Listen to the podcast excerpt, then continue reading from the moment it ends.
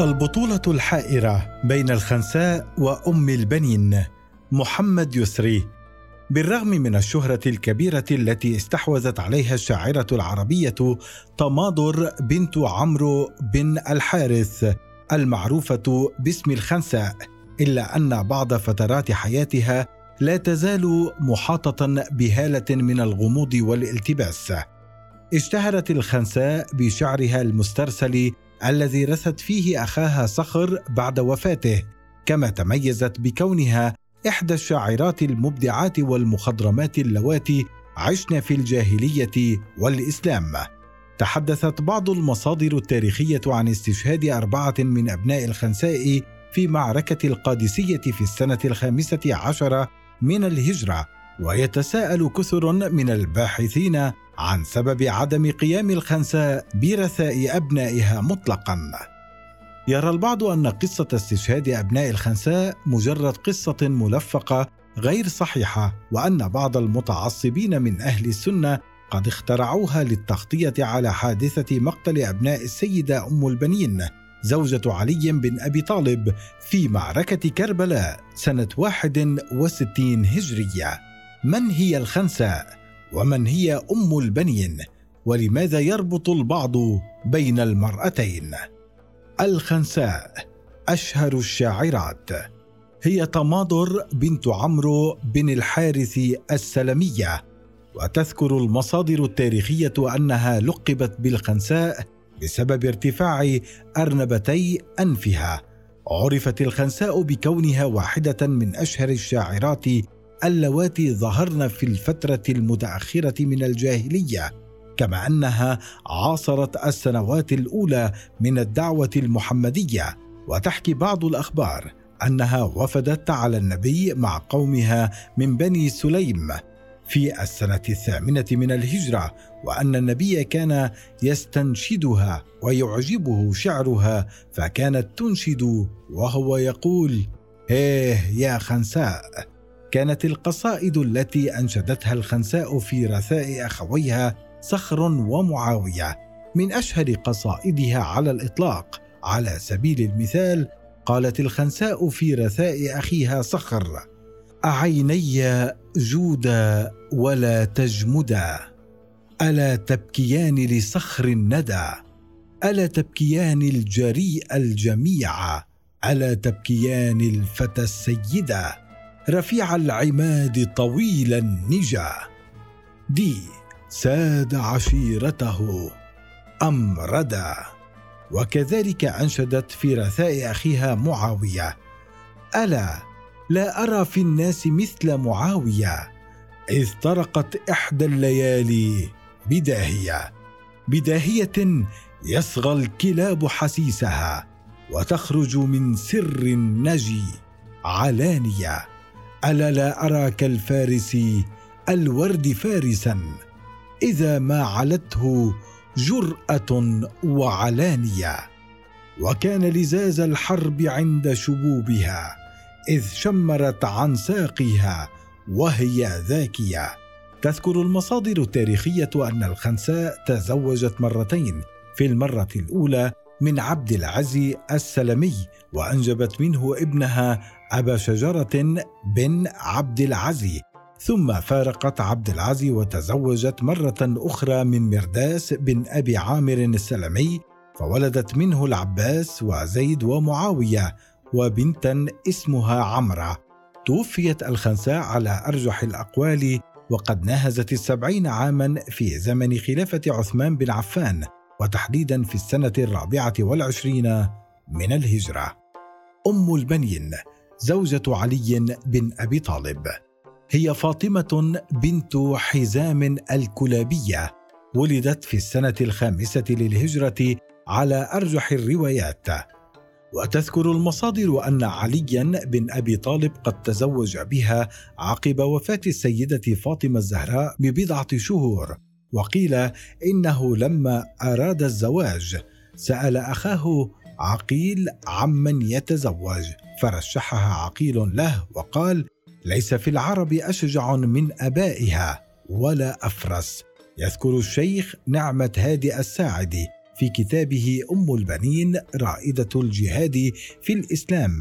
أن أم البنين قد رأت في منامها رؤيا تبشرها بزواجها من الخليفة الرابع وبعدها بأنها ستنجب منه أربعة من الأبناء وذلك عندما رأت وكان القمر قد سقط في حجرها ومعه ثلاثة كواكب.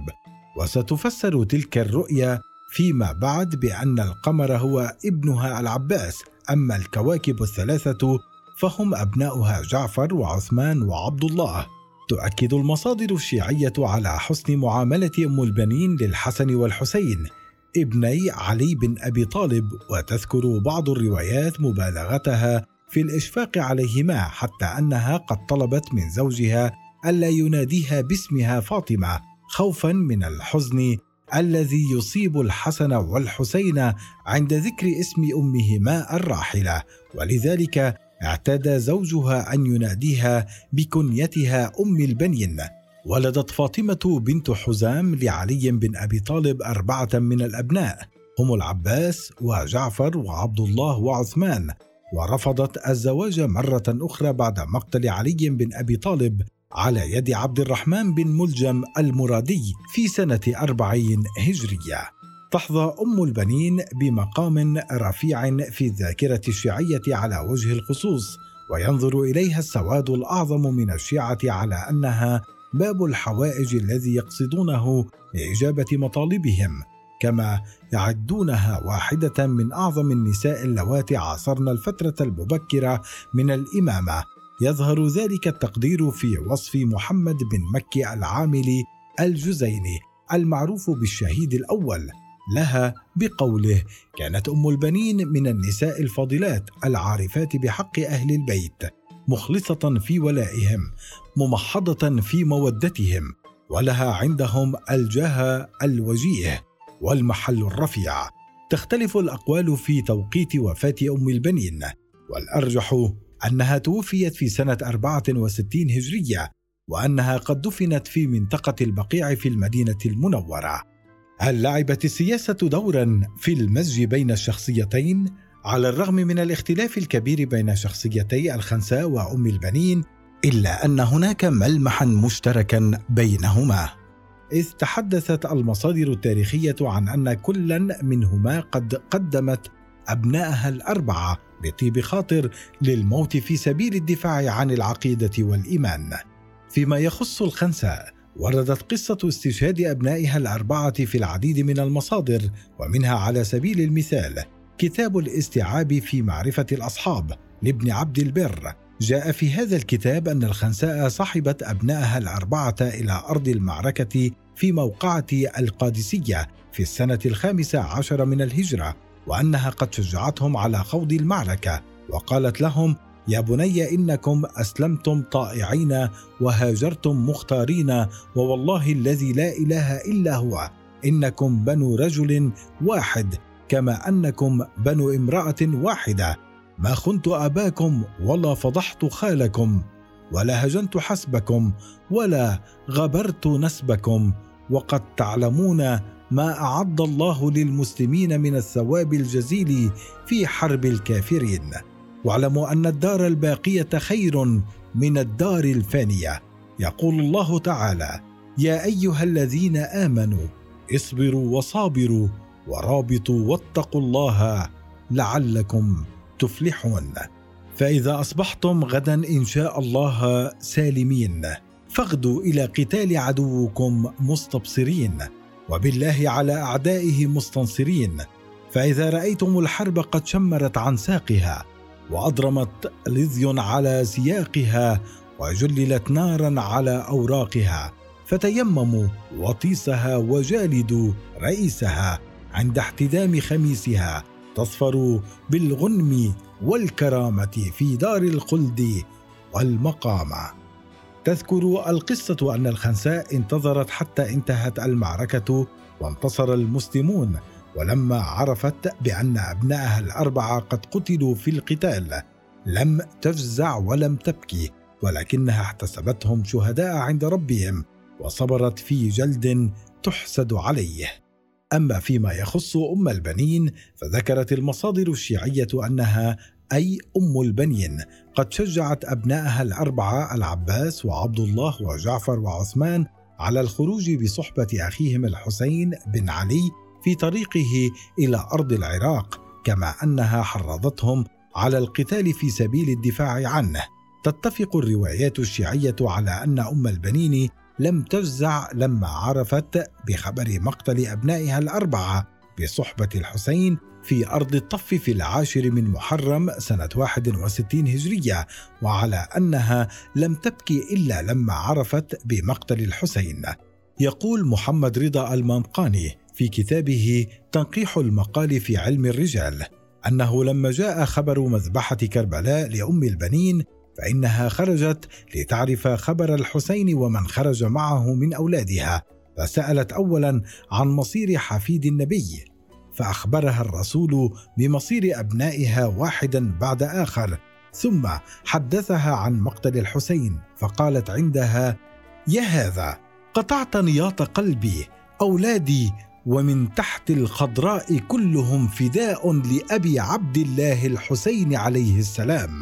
تتفق الروايات الشيعية على أن أم البنين كانت تخرج إلى البقيع كل يوم فتبكي وترثي أولادها الذين قتلوا في أرض كربلاء. وفي الكثير من الأحيان كان الناس يتجمعون حولها فيأسفون على حالها ويشفقون عليها ويستذكرون معها مصاب آل بيت النبي. وذكرت بعض المراجع أن والي المدينة الأموي مروان بن الحكم كان يشفق عليها كلما سمع رثاءها لأبنائها.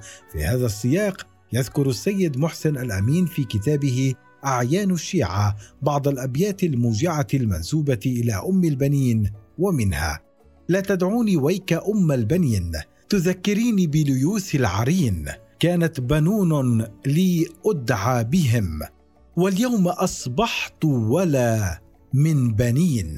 أربعة مثل نسور الربا قد وصلوا الموت بقطع الوتين.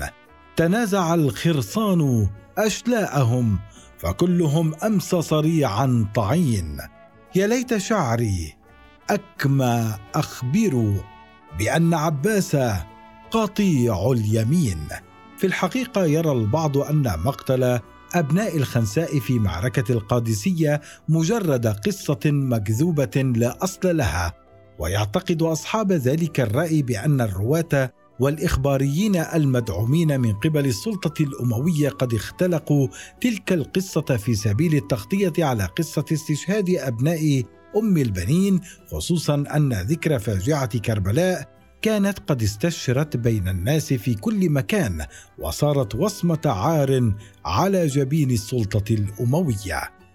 هناك بعض الشواهد والقرائن التي قد ترجح كذب قصة استشهاد أبناء الخنساء الأربعة في أرض المعركة ومن أهمها ان السيره المبكرة لأبناء الخنساء لا تتماشى على الإطلاق. مع ما نسب إليهم من موقف بطولي يوم معركة القادسية. على سبيل المثال تذكر المصادر التاريخية أن الابن الأكبر للخنساء المعروف باسم أبي شجرة قد ارتد بعد وفاة النبي وقاتل المسلمين بضراوه ويذكر ابن الأسير المتوفى سنة 630 هجرية في كتابه الكامل في التاريخ أن أبا شجرة كان يشجع على القتال ضد المسلمين وأنه كان ينشد. فرويت رمحي من كتيبة خالد وإني لأرجو بعدها أن أعمر. بعد هزيمته أمام خالد بن الوليد رجع أبو شجرة إلى اعتناق الإسلام مرة أخرى وقدم على الخليفة الثاني عمر بن الخطاب في المدينة.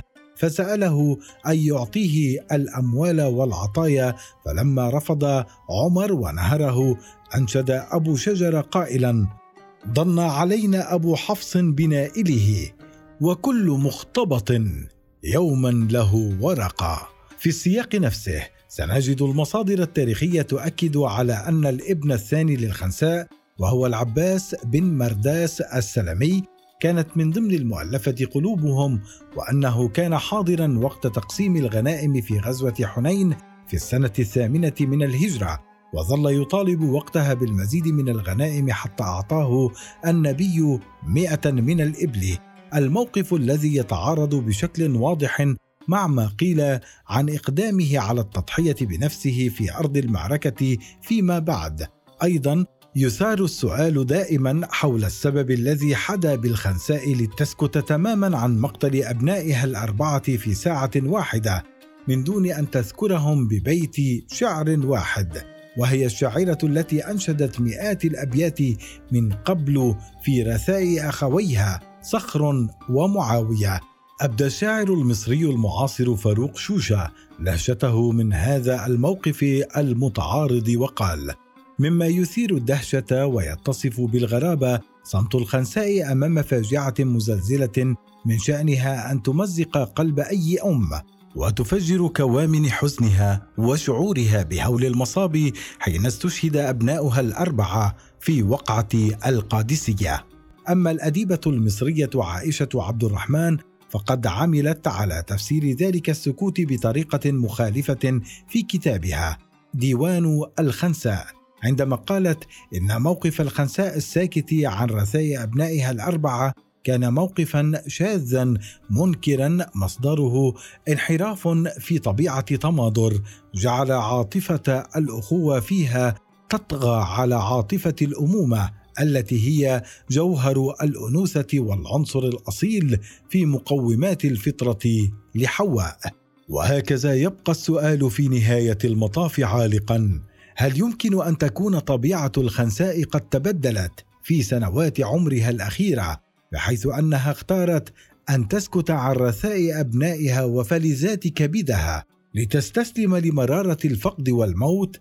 أم أن تلك الحادثة المفجعه لم تحدث من الأساس وأن كل ما قد قيل عنها قد وقع في سياق محاولة الرواة أمويي الهوى؟ لصرف أفئدة الناس بعيدا عن الذكريات الدامية لمذبحة كربلاء.